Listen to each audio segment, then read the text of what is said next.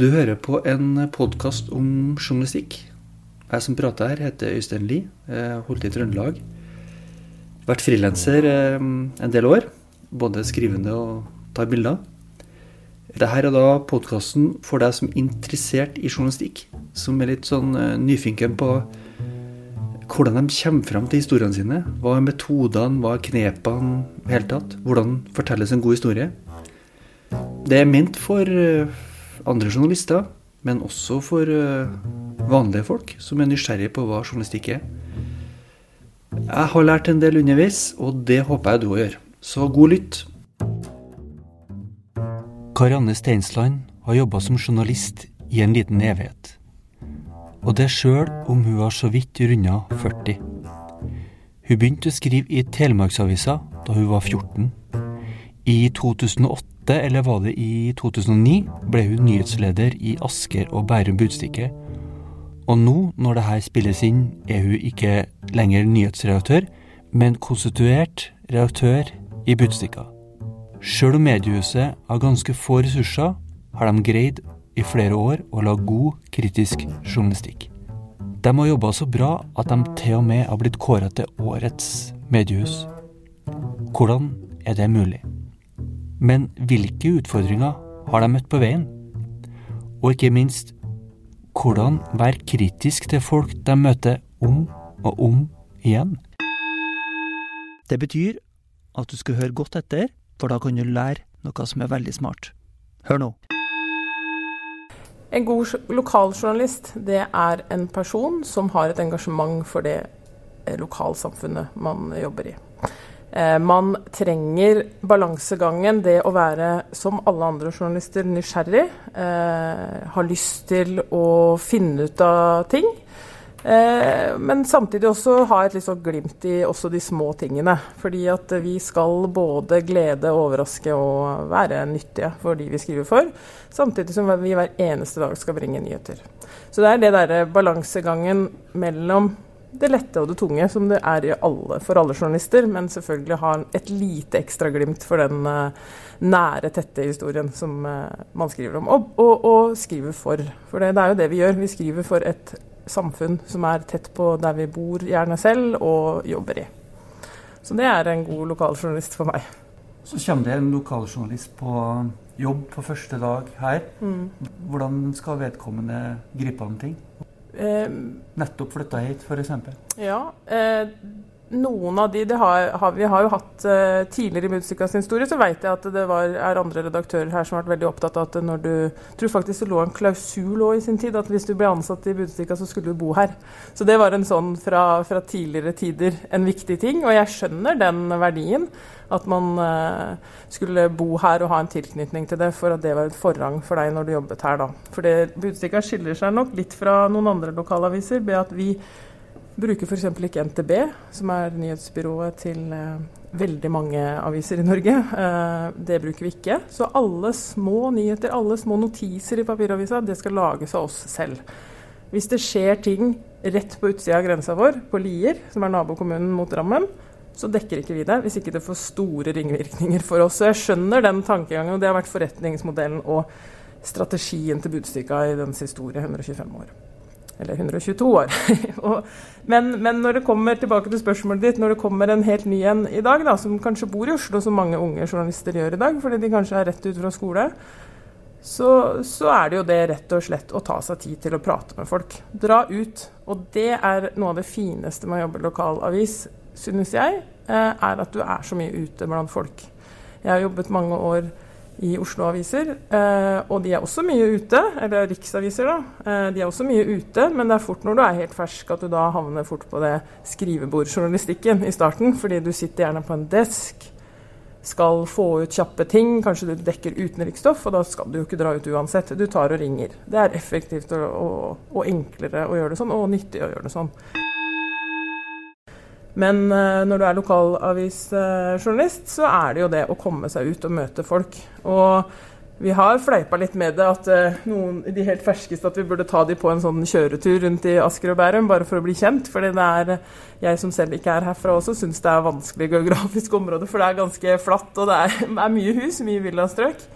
Eh, for det er jo viktig for oss da, at man veit hvor man skal når man skal rykke på noe eller det skjer noe. At man vet hvor i Bærum dette skjer, uten å måtte google hver eneste gang. Jeg har hatt noen tilfeller av noen som ikke er herfra, som har, som har liksom Hvor langt er det, kan jeg sykle dit? Nei, du må inn og sjekke det. Så det, det er det å la, bli kjent geografisk. Rett og slett sitte mye på kartet og komme seg ut og møte folk.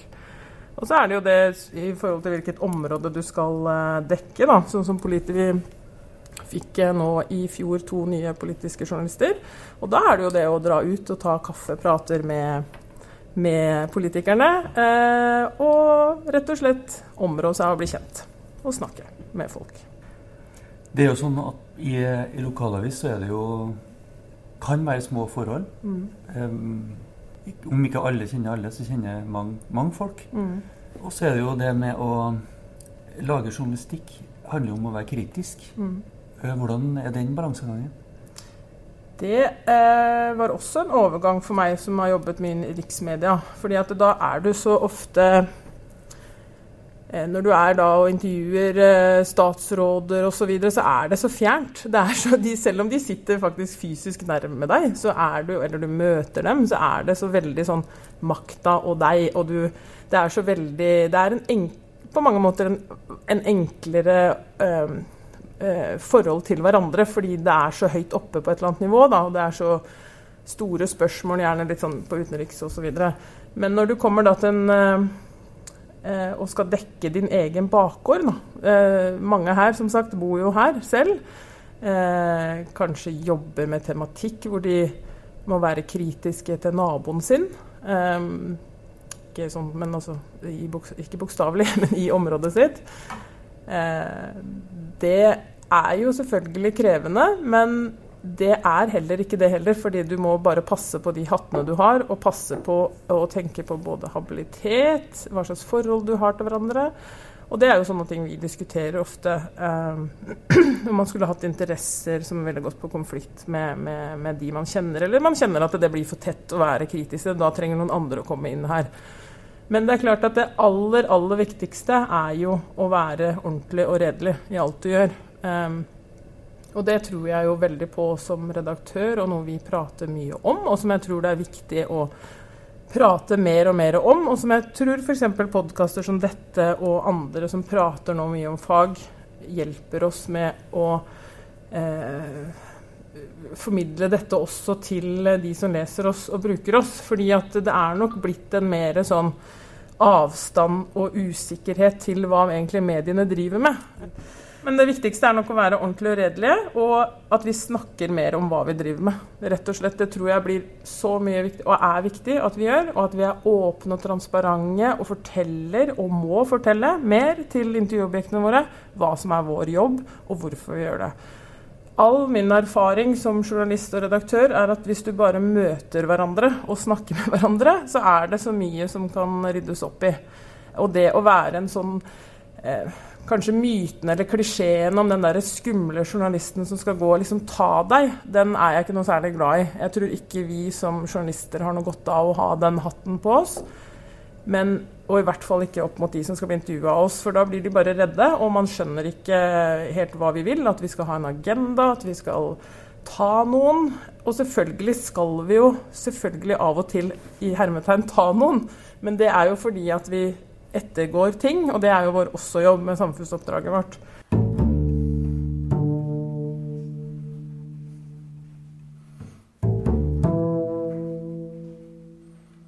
Vi møter jo til og med politikere som er helt ferske. Selv om det er din fremste makt, da, så er de også mange av de helt ferske med dette. Aldri vært borti det. Har ikke det store apparatet. De, jeg tror også, noen av dem er jo til og med ja, si småbarnsforeldre som har tatt på seg et verv oppå vanlig jobb og stor familiesituasjon hjemme. Så de har ikke en stor kommunikasjonsstab, de heller. I motsetning til mange på, på, på helt øverst politiker, eh, av politikerne på riksnivå.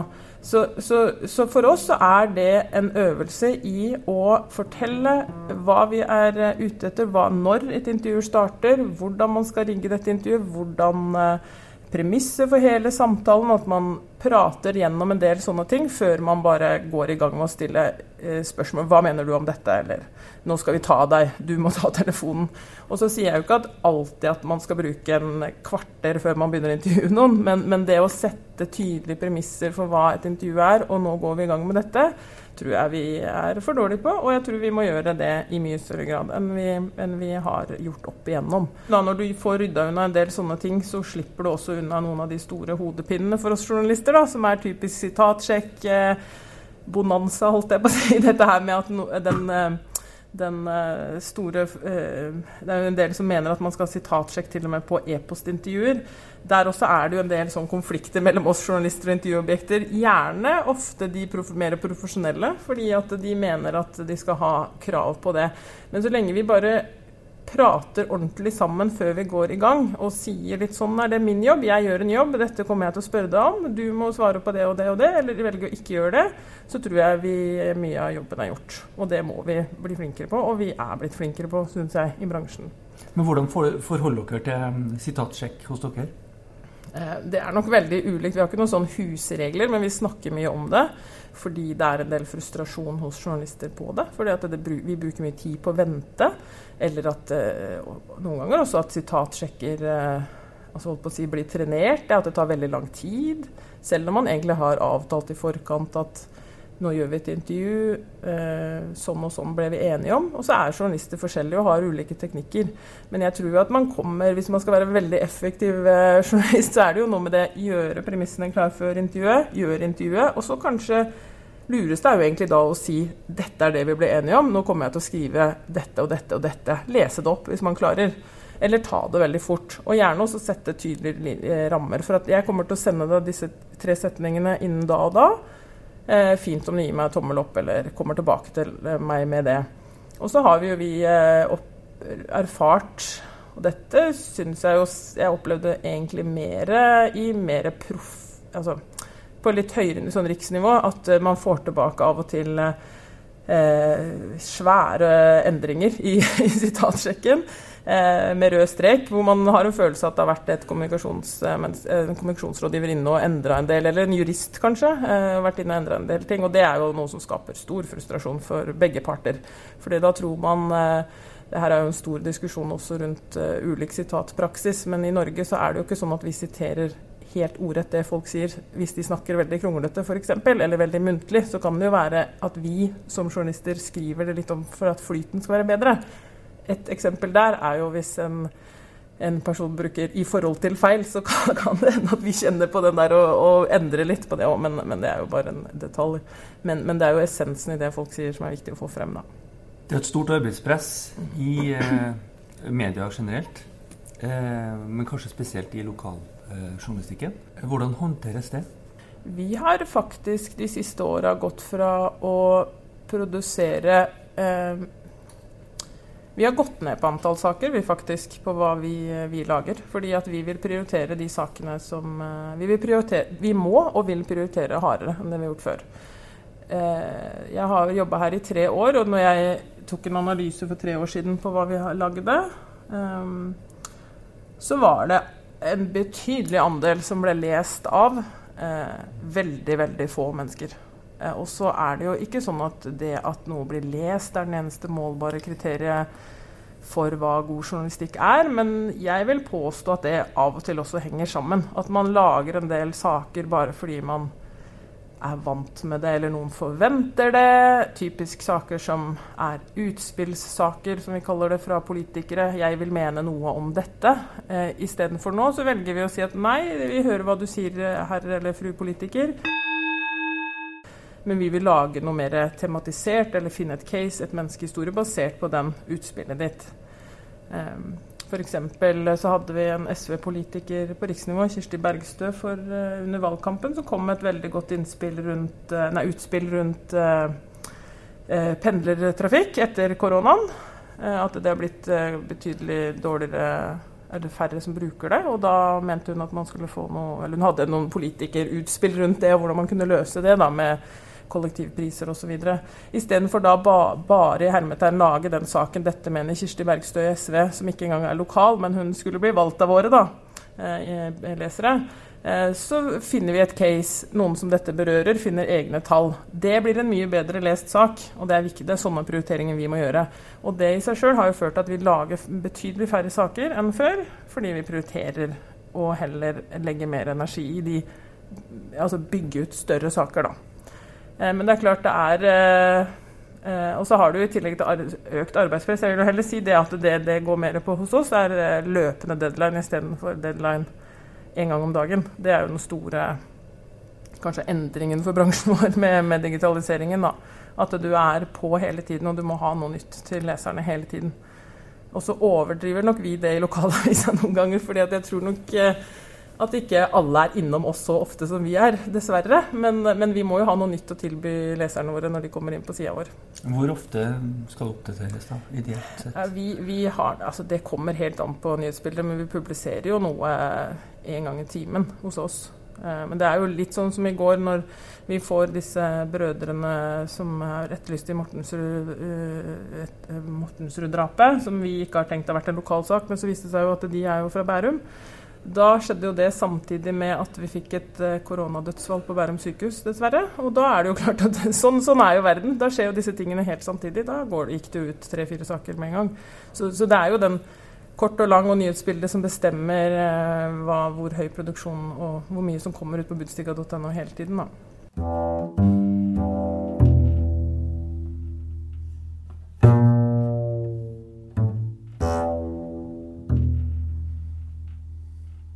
Hvor viktig er det at journalisten også f.eks. fotograferer, tar opp lyd, filmer? Ja, Vi er ikke så gode på lyd og film her hos oss, dessverre. Vi har hatt en uh, veldig stor omorganisering de siste tre åra som har gått på at vi skal bevege oss veldig fra papirfokus til digitalt fokus. og Da burde jo egentlig lyd og bilde være en del av det, men vi har egentlig måttet begynne litt helt med turnusen vår, hvordan, hvor, uh, hvor, uh, hvordan vi er rigga organisasjonsmessig. Så det har vært nummer én for oss, å bygge den gode basen først.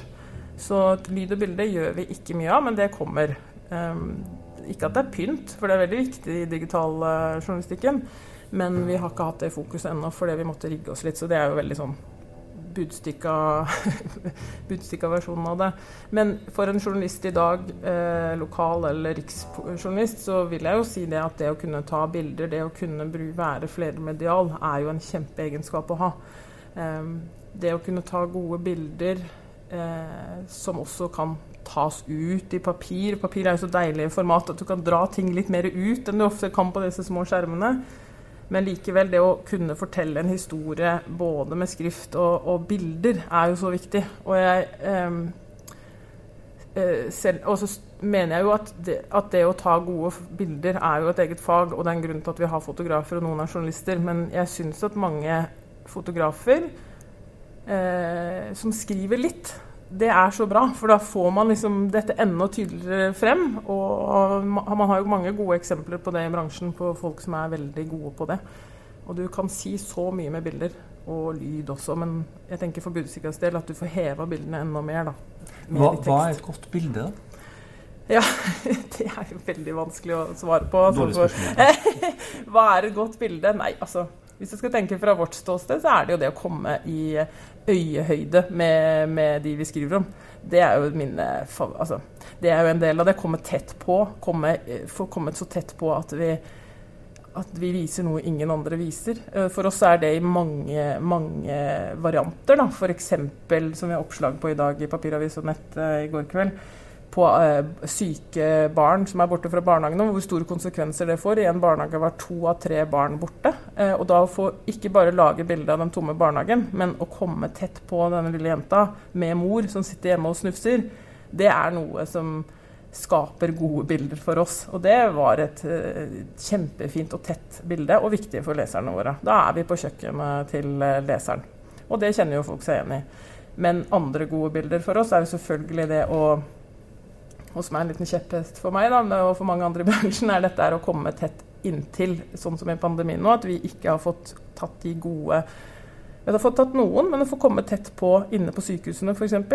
Der har vi jo i ulik grad eh, i Norge rundt blitt møtt med veldig mye nei eh, av personvernhensyn.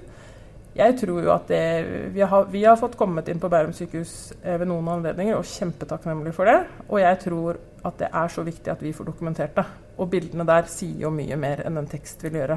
Når du ser disse menneskene som ligger der bortover, og, hvordan, dette, det, hvordan dette har vært for de ansatte. Bare det å få bilde av de ansatte som har svette som renner etter dobbeltvakt. De bildene er jo noe vi savner. Vi har noen av de, men de bildene må vi ha flere av, og jeg er skikkelig lei meg for at ikke var flere bilder av det. Og det, har ikke bare, vært, det, er ikke vår feil, det er fordi vi ikke har kommet oss inn. Aftenposten kom seg til uh, Stockholm, vel. Uh, vi har vært i Italia, vi har ikke vært nok i bransjen inne på de norske sykehusene for å dokumentere hva som skjer, og har skjedd. Det syns jeg er ille. Og det er gode bilder. men så er det jo for en uh, lokalavis så er det jo selvfølgelig også dette her med gode hendelsesbilder, da. Jeg husker Torry, Han har jo fått mye kjeft for disse, dette. VGs uh, Torry som sa det at alle rørleggere kan ta et bilde. Ja, alle kan det, men vi vet alle at det er forskjeller på et rett opp og ned hendelsesbilde av en krasj som noen tar i forbifarten. Eh, hva heter det for noe sånn eh, glanekø. Det får vi jo tilsendt, folk som tar bilder av krasj.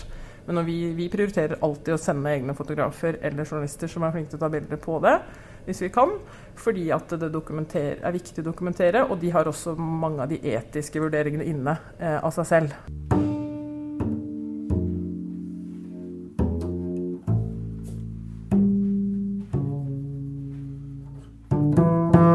Det er også viktig å på en måte avdekke hva som skjer i, utover hendelser. på en måte. Det, mm. det er jo de paradegrenene i journalistikken, altså gravinga. Mm. Hvordan er muligheten der, og hvordan går dere fram? Eh, I Budstikka så har vi ikke en egen gravegruppe eller noen egen sånn reportasjeleder på det. Vi har valgt rett og slett å eh, Vi er én stor nyhetsgruppe, og så har vi en liten sportsredaksjon på to stykk og én på kultur. Resten jobber med nyhet.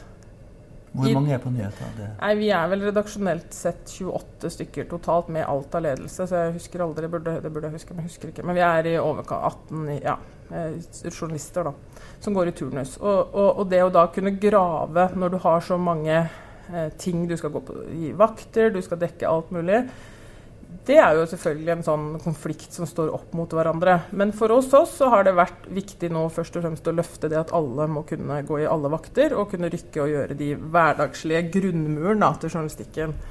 Men oppi alt dette så har vi også fått til det at kommer det noen saker, kommer det noen tips, er det en journalist som er sulten og merker et eller annet, her er det et eller annet.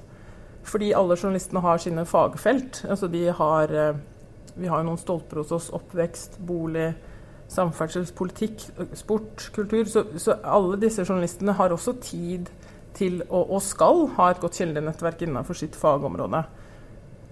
Og når du er en sulten journalist som har ambisjoner, så eller det også kommer litt sånn glidende inn fra sidelinja, eller en sjef sier at dette må vi kikke nærmere på, så kommer det til stadige ting vi kan kikke nærmere på. Og vi har, ikke, vi har, systematisert det ved at vi har gruppemøter hvor vi diskuterer tematikken vår i faget, f.eks. på oppvekst. Nå er det dette årshjul, vi følger et årshjul med temaer som skjer. Men så får du enten et tips eller en kilde eller en rapport som du ser her er det et eller annet. Eller du er nysgjerrig og tenker her må jeg gjøre noe. I tillegg til at hver eneste journalist har jo i mål i medarbeidersamtaler om å, å grave litt mer. Og så når man da kommer over noe. F.eks. Eh, jeg har en historie her om en eh, Nå jobber ikke han her lenger, dessverre, en vikar hos oss som etterspurte noe sånn smittetall eh, fra Bærum kommune i januar. Og så plutselig så sier han til meg Du, jeg fikk en litt sånn stor fil her. og det er jo alltid gøy når noen journalister sier det. Og her har jeg et eller annet lurer på. Da blir, alltid, da blir, jeg alltid glad, for da vet jeg at det er et eller annet her. Eh, og så kommer han med det, og så så vi jo på det, og så viste det seg at her hadde vi jo nå fått all smittestatistikken da, fra kommunen i, siden pandemien startet, på hvem som er smitta og hvor de bodde, og ikke navn og sånn, men alder og hvor de var blitt smitta fra. En stor database. Den kunne vi valgt da bare å lage en registrering på. Her er det bla, bla, bla, og dette er de største tingene. Men da valgte vi da å ta ut han og to til som var hadde jobba med litt med koronapandemi-tematikk rundt dette, og fikk brukte, satte dem, tok dem ut av turnus i to uker, satt dem inn på et rom. Eh, et kontor hvor de bare, vi begynte med reportasjeleder, da, meg og en til. Og så begynte vi da å se på hypoteser. Hva er det dette viser? Begynner å se på datamaterialet vi har fått. Først er det jo det å finne ut hva er det vi har her, og kartlegge det. Og så gikk vi rett og slett veldig sånn systematisk til verks med å se hva er nyhetene her. Og når du har fått gjort det noen, noen dager, og, og, og, vi må jo bare prioritere at da gjør de dette, og så må man ha en prosjektstyring eh, av det. Så endte jo det opp med at vi fikk eh, kartlagt hvor ulik smitten har vært. Det er det jo flere som har gjort, men for oss er det veldig viktig å gjøre det også lokalt. da.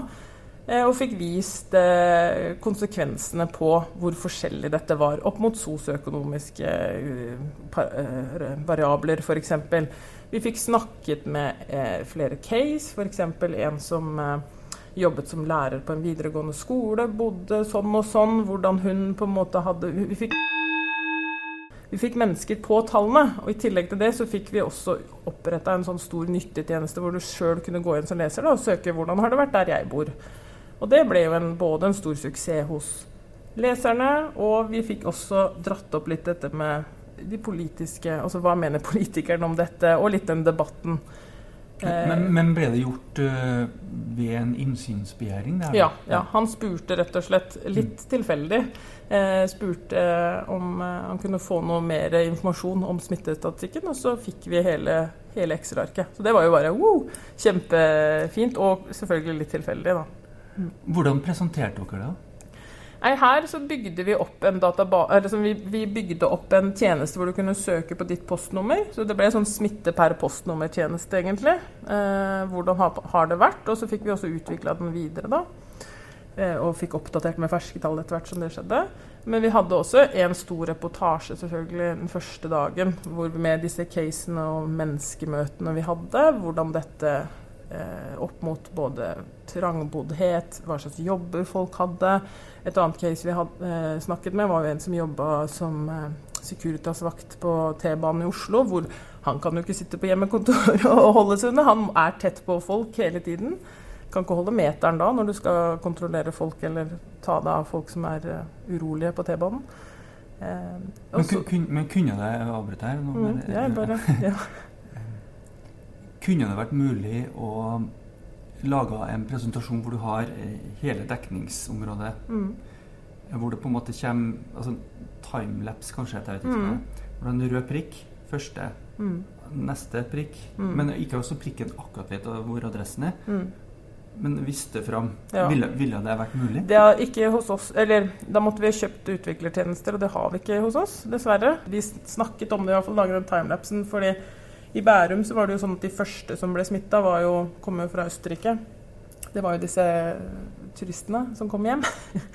og så ble det jo hvordan dette forandret seg fra geografisk område, hvordan det gikk litt fra øst til vest eh, i Bærum. Eh, Bærum øst er mer eh, dyrere boliger, boliger, for å si det sånn, og Bærum vest er mer eh, blokker og den type boliger. Så, så, det ser veldig tydelig hvordan dette har gått i bølger, og hvem som ble smitta når. Du sa her i stad at det var litt sånn tilfeldig at det ble innsyn mm. akkurat på den. Men har dere noen rutiner for å be om innsyn eh, i uh, forskjellige felter? Vi er altfor dårlige på det. Det er vi. Vi har ikke noe sånn at alle setter seg ned en gang i uka og gjør det. Det er nok veldig forskjellig fra journalist til journalist hvor mye tid man har. Eh, nok, eh, det er nok noe vi burde ha gjort mye mer sånn eh, systematisk.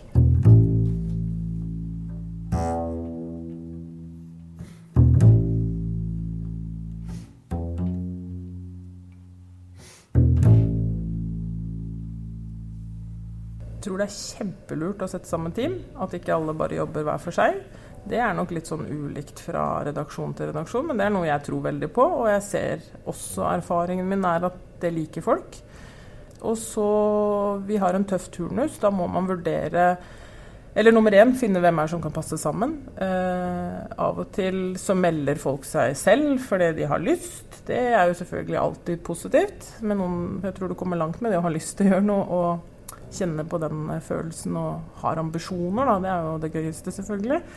Men av og til også be noen pga. fagfeltet de har. Her ser vi at du har noen egenskaper som den andre ikke har, som kanskje får tak i disse tallene.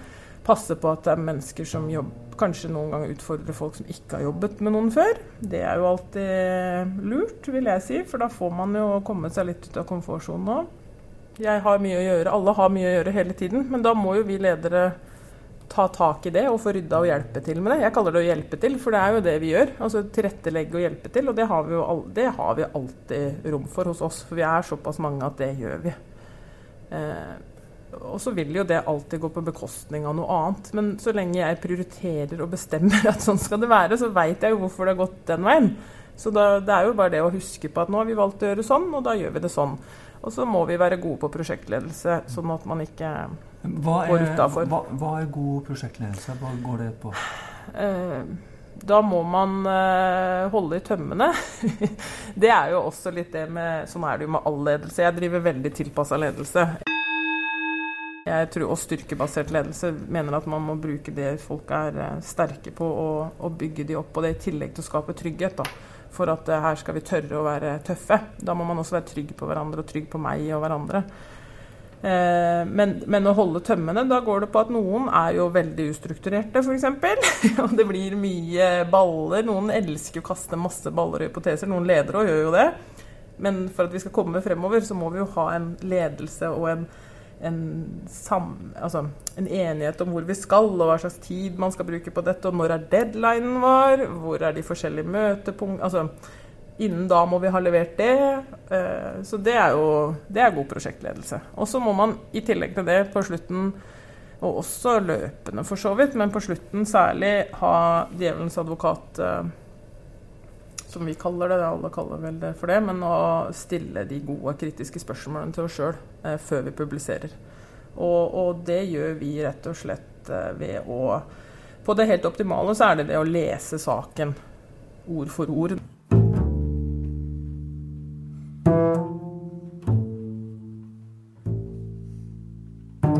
Du kan jo fortelle litt om eh, Manshaus-saken. Mm. Eh, det er jo store tragiske ting som hadde utgangspunkt i, i, i eh, ditt område. Mm. Eh, og den har jo stor nasjonal interesse. Mm. Hvordan går dere fram her? Ja. Eh, da det skjedde, så, så, var vi ingen på jobb. Vi var én person i beredskap. Dette skjedde jo klokka halv fem hvis ikke jeg husker riktig, på en lørdag i sommerferieturnusen vår. Så det er jo en uh, grunn til også at vi var omorganisert, fordi vi var for, vi var for papirrigga da, i turnusen vår. Uh, så det var jo det første som skjedde her.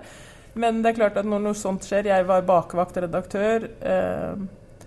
Eh, vi hadde en journalist som var, han var godt av vakt, men han hadde såkalt beredskap. Og når han får den meldinga, så begynner han jo selvfølgelig å sjekke og skrive og få dette ut med en gang. Det, har, det første meldingen var vel at det er en hendelse eller noe sånt.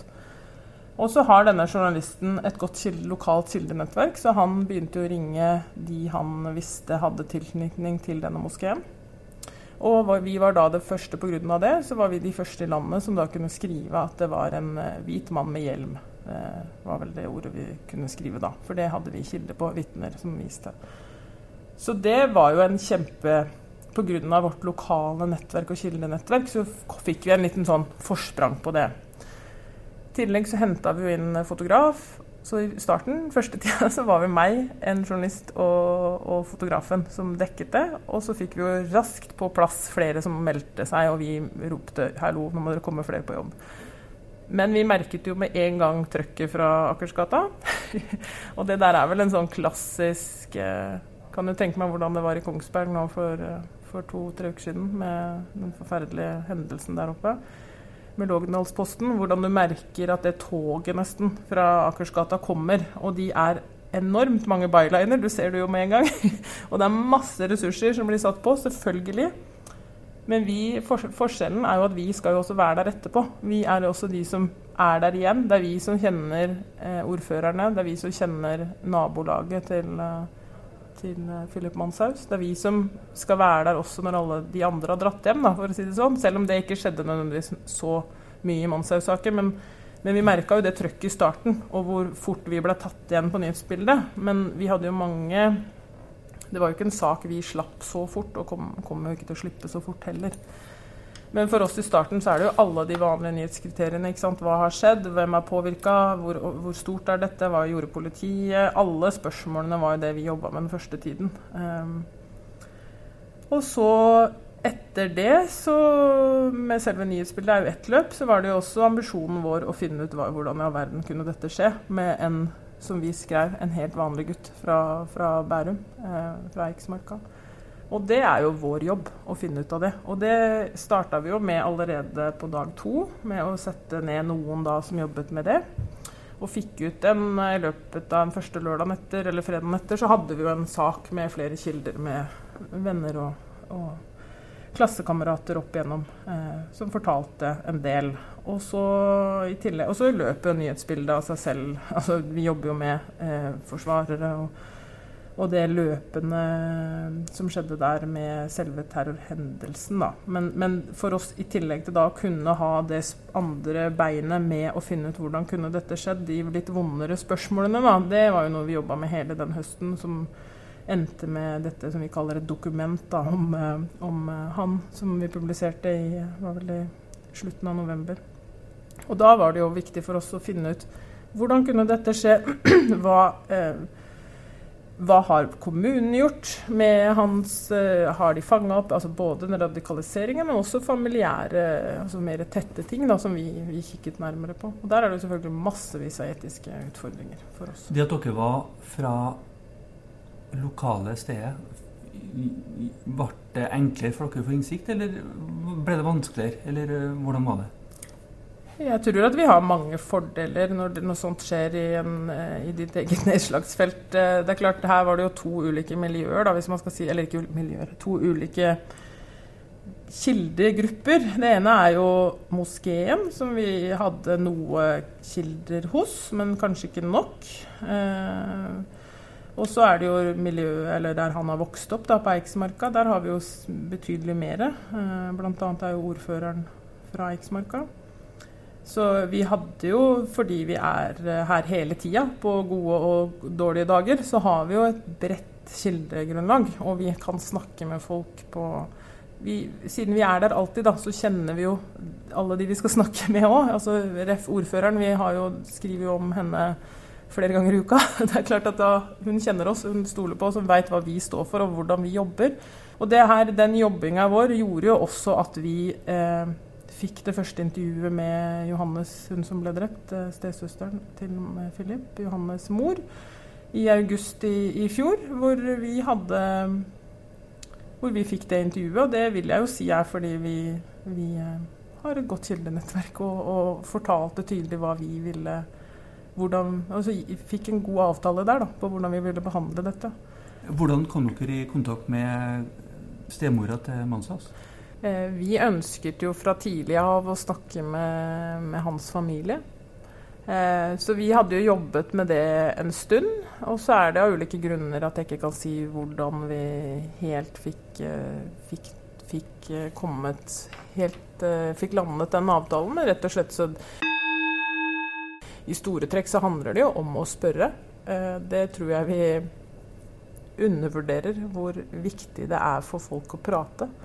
Eh, også så, lenge man eh, men møtte dere ja. opp eh, fysisk, da? Unnskyld, jeg Vi møtte henne fysisk, ja. ja. Eh, når vi ble enige om å, å gjøre Ja, men tenker på om dere spurte sånn? Eh, vi, sendte, vi sendte et brev via advokaten, eh, hvis jeg husker rett. For disse fikk jo hver sin bistand. Både far, eh, Philips far og stemor fikk jo hver sin bistandsadvokat, hvis jeg husker riktig. Så vi var jo i tett dialog med dem, og var veldig tydelige på hva vi ønsket, og hvordan dette eh, at at det viktigste her var at vi, vi, sa det at vi vil gjerne høre deres historie, og her er det mye å fortelle.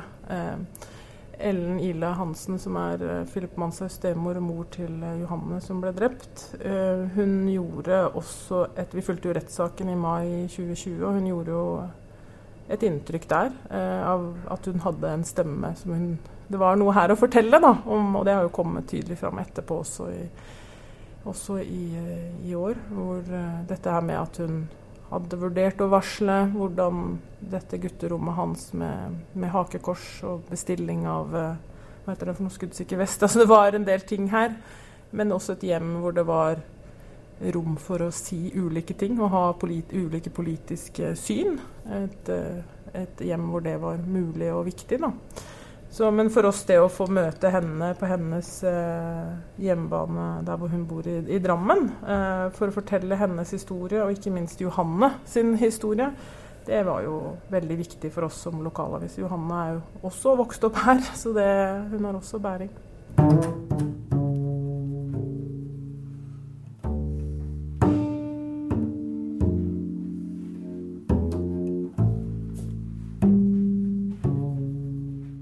Altså Alle ledere må jo velge hvordan de skal lede en journalist. Jeg syns jo journalister er Eller vår bransje, eller journalister som yrke, vi er jo veldig sånn Vi er ikke så hierar, eh, det, hierarki, nei, hierarki, hierarkiske. Eh, vi, vi, det, er, det, er, mange journalister som, som Man kan kanskje ha inntrykk av at de gjør litt som de vil, eller altså man, man styres av den drivkraften man har i seg selv. Og i denne saken lager jeg uansett Det har jo vært litt sånn i bransjen vår igjennom. Men, men, jeg tror jo at man trenger ledelse fordi man må prioritere. Man må Vi må alltid utvikle oss. Vi må gå, komme oss videre. Det er ting som skjer i bransjen vår som gjør at vi må velge annerledes enn det vi, vi kanskje har gjort før. At vi bare jeg husker en historie fra når jeg begynte som journalist, når det var veldig sånn papirfokus da i Aftenposten i sin tid, og jeg begynte der eh, og begynte, begynte rett med nettjournalistikk, eller jobba på nettet, da, som det het den gangen. Og da husker jeg en sånn greie i den store økoredaksjonen jeg jobba i da, som var enormt mange folk. Kjempebra, men og de har blitt nedbemanna, eller den avdelingen har blitt mindre og mindre, mindre med åra. Men det var en digresjon. Poenget var at jeg husker det var en journalist som en gang sa ja, men en lesesak, det bryr jeg meg ikke så mye om, jeg skal bare skrive denne saken. Eh, og det var en sånn ting som har satt seg litt i meg, at jeg syns var eh, syns var litt rar holdning å ha. da. Og jeg tror at det er noe som har vært veldig fint med all den målingen og alt det vi kan måle i dag på nettet som ikke vi kunne før. At vi faktisk må ha en litt annen respekt for de vi skriver for, og de som abonnerer på oss. For hvis ikke vi har det, så tror jeg ikke vi har veldig spissa sagt. Eh, jeg tror alltid eh, mediene vil finnes, men vi må også tjene penger. Og vi må gjøre det som eh, Vi må gjøre, ha, bruke den metodikken på å løfte sakene våre sånn at det blir lest òg. Fordi jeg tror at med internett og, og, og, det målingen vi kan nå, så har vi også verktøy som gjør at vi klarer å løfte den saken som den journalisten i sin tid sa var, var ikke så opptatt av at den ble lest. Så kan det være viktige saker, men man må, med noen grep kan gjøre den litt mer tilgjengelig for flere. Hvordan da? Nei, Det er det mange ting man kan gjøre. Det er jo alt fra å spisse det riktig til å tenke tittel fra første sekund. Hva er dette egentlig handler om? Prioritere. Det er så undervurdert. Prioritere det vekk, da. 70% har jeg hørt, da. Eh, det er godt mulig tallet er annerledes, men eh, leses jo på den mm. lille mm. mobilen. Mm. Eller ganske stor òg. ja. mobil. I forhold til papir. Eh, hva gjør det med måten du skal fortelle på? Det mest åpenbare er at du har så mye mindre plass til å fortelle eh, historiene på og skape oppmerksomhet eller få leseren din inn på saken din på.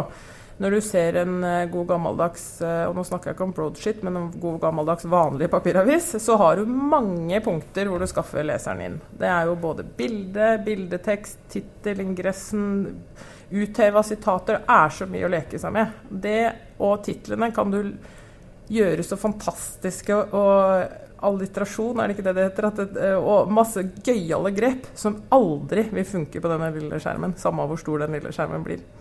Fordi på den lille skjermen så har du et poeng Altså du har et bilde ofte, men du har bilde og tittel. Kanskje en stikktittel. Mange er veldig glad i å bruke den i tillegg. Så du har mye kortere, eller færre, færre muligheter til å leke deg da, eh, i det å fange leseren, til å få den til å komme inn til det fantastiske artikkelen du har på innsida. Så det er jo det mest sånn åpenbare forskjellen. Også I tillegg til det så har du jo en helt annen eh, modus når du sitter og har valgt Når du har valgt å finne papiravisa, så er det typisk en litt annen situasjon. Kanskje søndagsfrokosten, eh, eller du skal kose deg med avisa og en kopp kaffe.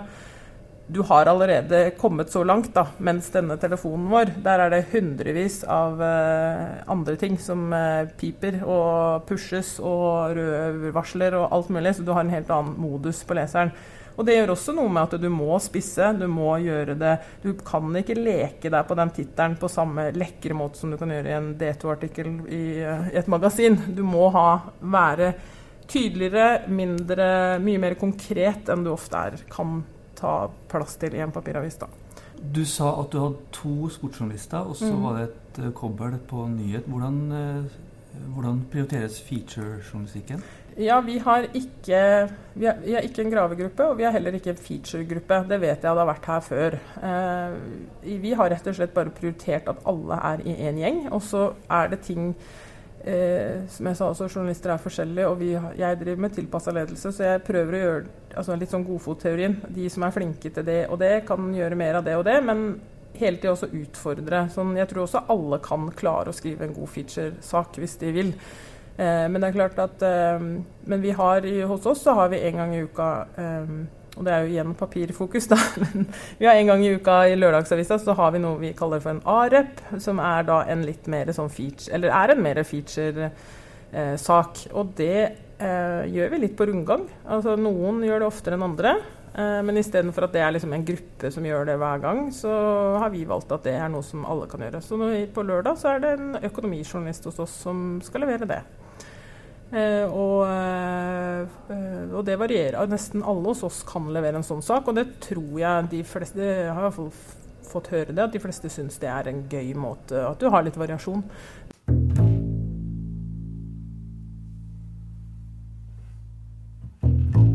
Lokalavis er et springbrett for, for journalister. Jeg tror at husker da jeg begynte som Eller jeg begynte jo faktisk en lokalavis sjøl som 14-åring. Jeg er jo såpass gammel at da var det fremdeles mulig å begynne å jobbe når du var 14 i en avis. Og fikk lov til det. Men, men jeg, husker jeg, da jeg fikk jobb i Aftenposten, så tenkte jeg jo ofte at der var vi mange vikarer som ikke fikk fast jobb i starten. Og sånn er det jo ofte i de store avisene. For det er jo mange som har lyst til å jobbe der, og du får testa deg litt. Og jeg skjønner at ikke de ansetter alle som kommer Altså, det, man må jo få blitt testa litt, og det er jo ikke vært så mange jobber i vår bransje de siste 15 åra heller. Men jeg husker da at jeg tenkte, hadde bl.a. en vikarkollega som, som, tok seg en jobb i Finnmark og kom seg opp dit. Og etter hva jeg har skjønt har blitt redaktør og, fått, og har det fantastisk der. Og fått utvikla seg fått gjort mye mer. Jeg husker jeg tenkte at det, det er jo noe Men så hadde jeg fått meg en samboer sjøl og ville være i Oslo, så det, sånn ble det for meg. Men, men jeg tror jo at det å tenke litt ut av boksen og komme seg til en liten lokalavis, det er en kjempeskole hvis du er nyutdanna journalist. Fortell om da du 14 år gammel kom i Telemarksavisa. Hva i verden, hvordan fikk du jobben? Hva, hva jeg fikk jobben fordi vi hadde sånn der eh, på Gulset ungdomsskole så hadde vi sånn uh, yrkesfaguke hvor det kom mange fra forskjellige yrker og sto og hadde stand. og så var det en uh, Burde jeg huske navnet hans, men en uh, journalist som fremdeles jobber i Nei, nå jobber han i Feven. Han sa, for jeg pratet så mye med han, da, at han sa ja, men vil du ikke prøve det, da? Og så sa jeg heldigvis ja. Og så gikk jeg ut og lagde en reportasje om denne yrkesmessa og kom på trykk. Så var jeg der litt grann, sikkert, jeg husker ikke hvor mye, men bitte litt. Men så fikk jeg meg jobb i eh, Varden, som er konkurrenten til Thea, hvor de hadde en egen, på 90-tallet en egen ungdomssatsing. Kjempefin satsing som het FRI. Hvor eh, vi var en liten eh, redaksjon med en som heter Siri Marte Apneset som, eh, som redaktør. Da. Og hun var veldig, husker hun var veldig kul. og og, liksom, og, hun var vel sånn 24 år eller noe sånt. Veldig kul og flink dame. Og da fikk vi lov å boltre oss. Og vi lagde en avis en gang i uka. Og det var kjempebra, oss, bare på papir, da. Og der var det jo bl.a. Torbjørn Isaksen jobba jo der, og jeg, da, og mange som Og Live Fedog Thorsen som jobber i DN. Eh, så det var mange av oss som har fortsatt å jobbe som journalister eller i politikken etterpå. Kristina Nilsen, som er direktør i Romerikes Blad og ja, Amedia. Hvordan var Torbjørn Isaksen som journalist? Han var veldig eh, han var ja, som, jeg, jeg, Vi la mest merke til han med meningene hans og hvordan han på den tiden fremsto som en litt annerledes høyrepolitiker. For han var jo medlem av Unge Høyre da òg. Han var, så, han var sånn hip, hørte på hiphop, og det var for oss på 90-tallet Dette er sikkert veldig fjernt for alle nå, men på 90-tallet det å høre på hiphop og være, gå med seggebukse og i tillegg da stemme Høyre, var veldig rart. Så det er det egentlig jeg husker mest. Det var Karianne Steinsland som snakka om lokaljournalistikk Neste ut er Gøran Skolmo, som jobber som gravejournalist for Dagens Næringsliv. Og så er det bare én siste ting. Eh, den som spiller bass i podkasten, han heter Asgeir Skrove.